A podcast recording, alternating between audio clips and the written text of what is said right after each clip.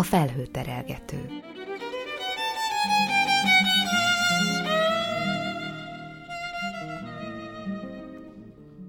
Máskülönben Krizsánéké volt a művésztelep szélső, a sarki villája, épp a mi házunkkal szemben. Na most én már korábban kezdtem integrálódni a művészvilághoz, akkor még Jóskát nem ismertem. Krizsán engem különben nagyon szeretett, és mikor nyaranta hazajöttem, itthon meglátogatott, és azt mondta, jöjjön Bogyóka, vegyen magára valami piros ruhát, kellene nekem a képhez valami színfolt. Persze nem volt én nekem piros ruhám, Magam elé kötöttem egy kötényt, amit találtam, na és akkor Krizsán beszólt édesnagynak, hogy elviszem a gyereket festeni. Megnézte az óráját. Ekkor ekkor jövünk. És az mindig úgy is volt. János bácsi tudnélik nagyon pontos ember volt. Na és vállára vette a festőállványt, és ballagtunk fölfelé a gesztenyésen a virághegyre. Krizsán egész úton sztorizott, és én végtelenül élveztem a történeteit. Sokszor nem is volt szüksége rám a képhez, csak a társaság miatt cipelt magával és mikor megérkeztünk, elhallgatott, festeni kezdett, dolgozott csendben vagy két órát, aztán elfáradt. Megnézte az óráját, összecihelődtünk, és a megbeszélt időre mindig vissza is értünk. Máskülönben Krizsár rettentő precíz, igényes ember volt. Emiatt nem is festett sokat. Rettenetesen szerette a szép felhőket, ezeket a tornyos gomoly felhőket. Mindig kiment az oldalba megnézni a fényeket, és a munkát is mindig ahhoz igazította. Sokszor egy képen egy-két hétig is eldolgozott, és mikor már a nap úgy nyár vége felé elkezdett laposabb szögben járni, volt, hogy tíz perccel korábban is elindultunk, hogy ugyanolyan fényeket kapjon a festményhez. Na most Krizsánnak volt egy csodálatosan tehetséges, gyönyörű felesége, Antinéni. Antinéni is festő volt persze, a telepnek tudnélik volt női szekciója is. Rettenetesen jó képeket festett, s én egyre csak csodáltam, milyen szép, s milyen tehetséges nő. Krizsán meg állandóan morgott vele. Antika, mi ez? Hát hogy néz ez ki? És akkor Antika mentegetőzött, hogy na de János, ez még csak a vázlat, még nem fejeztem be a képet. Krizsán meg, hogy akkor is, hát így kellene kinézni, tessék megcsinálni rendesen. Szóval folyton zsörtölődött vele. Máskülönben, hogy mennyire különbözőek voltak. Antika nem igen tudott főzni, és mikor valami vendégek érkeztek hozzájuk, Antika átszaladt gyorsan a szomszédba receptért. Gombócot főzött, na és megterítettek a kertben, és az egész utca röhögött, mikor Krizsán eldődült, hogy Antika, mi ez? Mit főzött nekünk? Hát ezt el se lehet vágni, ez olyan kemény. És arra Antika visszacsipogott, gombóc. Hát ez most így sikerült, János.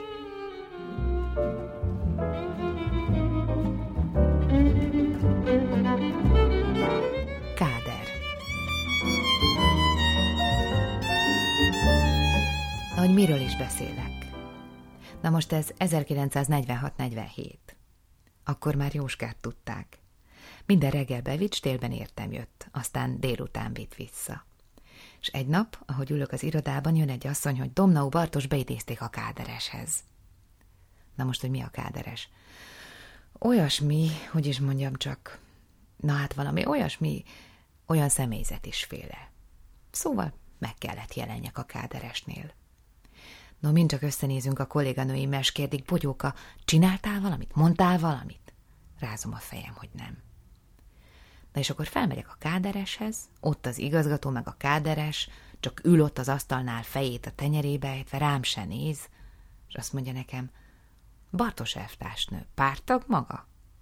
Mondom neki, de hogy vagyok? Nem ismerem én a marxizmust. Nem baj, elvtársnő, lépjen be a pártba, s oda mehet, ahova akar. A párt főiskolára küldi magát, ha akarja.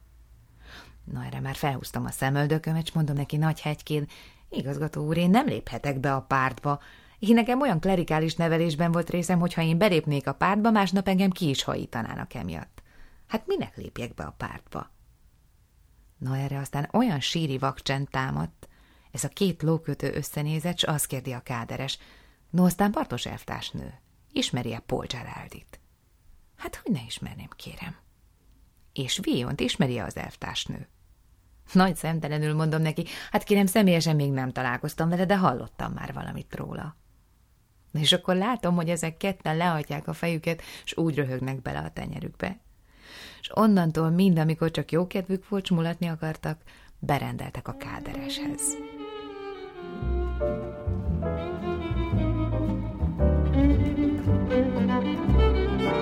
Spanyol gallér Annus a bodegát pakolta épp. A vaskos pókhálókon finoman megült a por. Valami foszladozó szalmakalapot talált a bodegában, teteje nem volt, csak a széles nagy karima, hogy a gesztenyésben ne följön bele az ember feje, amíg a felhőget pingálja. Azt a kalapot nyomta játékosan a Trixi fejébe, az meg csak rohangált benne boldogan körbe-körbe a bodega körül. Annus meg egyre csak nevette. Annus, én most színházba megyek, a kutyára vigyázzon, a kaput zárja be, nehogy utánam szökjön valami kép. És azzal elment. A 32 pár cipőjéből, amivel férjhez ment, az egyikben, a legmagasabb, legkopogósabb sarkúban. Száján, szerette így mondogatni, egy kis friss hegyi levegővel. Balla mindig megborogta, jaj, hagyja azt, Bogyóka, minek a festék magának. Bogyóka megnevetett olyankor, hogy ugyan Jóska, az üzemben is mindenki festi magát, csak én nem. Máskülönben ez csak egy kis friss hegyi levegő. Elindult, késve, mint mindig. A kaput kilincsre csukta, még vissza is lépett ellenőrizni. Szaporán vidáman koppantak a sarkak végig a Viktoriáján, és ahogy a busz elhúzott mellette, mindenki megbámulta a tipegő kicsinőt az meg kihúzta magát még jobban az alkalmi ruhában, s a kopogós cipőben. Hát mit bámulnak ezek? Csak nem kenődött el a számon az a kis rúzs, de csak lépkedett büszkén. Azok meg ott a buszon már kacagtak, még mutogattak is, no nézzétek, ott megy ballálni. Akkor hátra nézett maga mögé. Ellenőrizni nem kapott-e föl az alkalmi, nem azt röhögike. Nem azt röhögték, hanem a kutyát. Ott parádézott tudnélik mögötte a Trixi. A lyukas szalmakalap lecsúszott a nyakára, mint valami spanyol gallér, s emelgette urasan a lábait, ahogy a cirkuszi kutyák szokták. Hát olyan volt éppen az a kajla erdélterrier, akár egy hősszerelmes Don Quixote, aki szép dúlszíneáját kíséri. Azt röhögték. Bogyók a sarkon fordult, mégse állíthat be a színházba a kutyával. Na gyerünk, Trixi, hazamegyünk, és azzal hazaballagtak. Bogyóka az alkalmiban elől, mögötte a spanyol galléros Don Trixilovag ütemre. Balla meglepetten nézett fel a festésből, mikor hazaértek. Na mi az, Bogyóka, hát nincs színház? Nincs, felelte mérgesen, s mutatta a kutyát. Cirkusz van.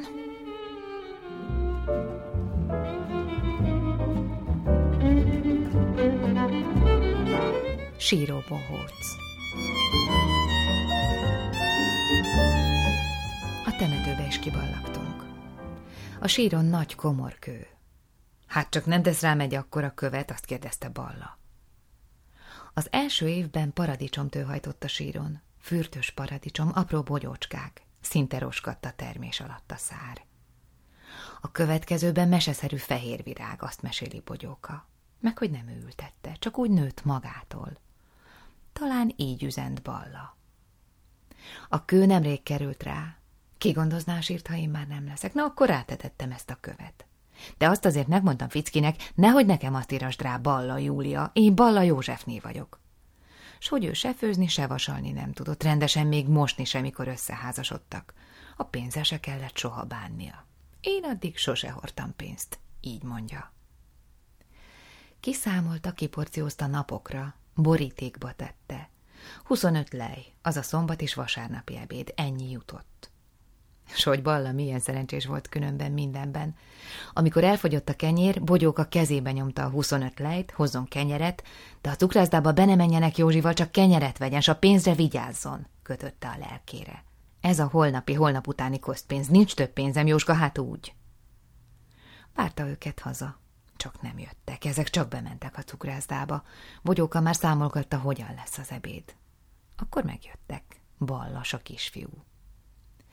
Balla karján nagy fehér csomag, tészta, a cukrászdából való bogyóka azonnal látta. Lesápadt, ballára kiáltott. Jóska, hát mit mondtam én neked? És Jóska nem hagyta végigmondani. Hallgasson, bogyóka, jöjjön be, elmondok mindent. Előbb a cukrászdába mentek, persze, de geszre ették magukat, ő meg a gyerek. Csak azután jutott eszébe a kenyér s bogyóka.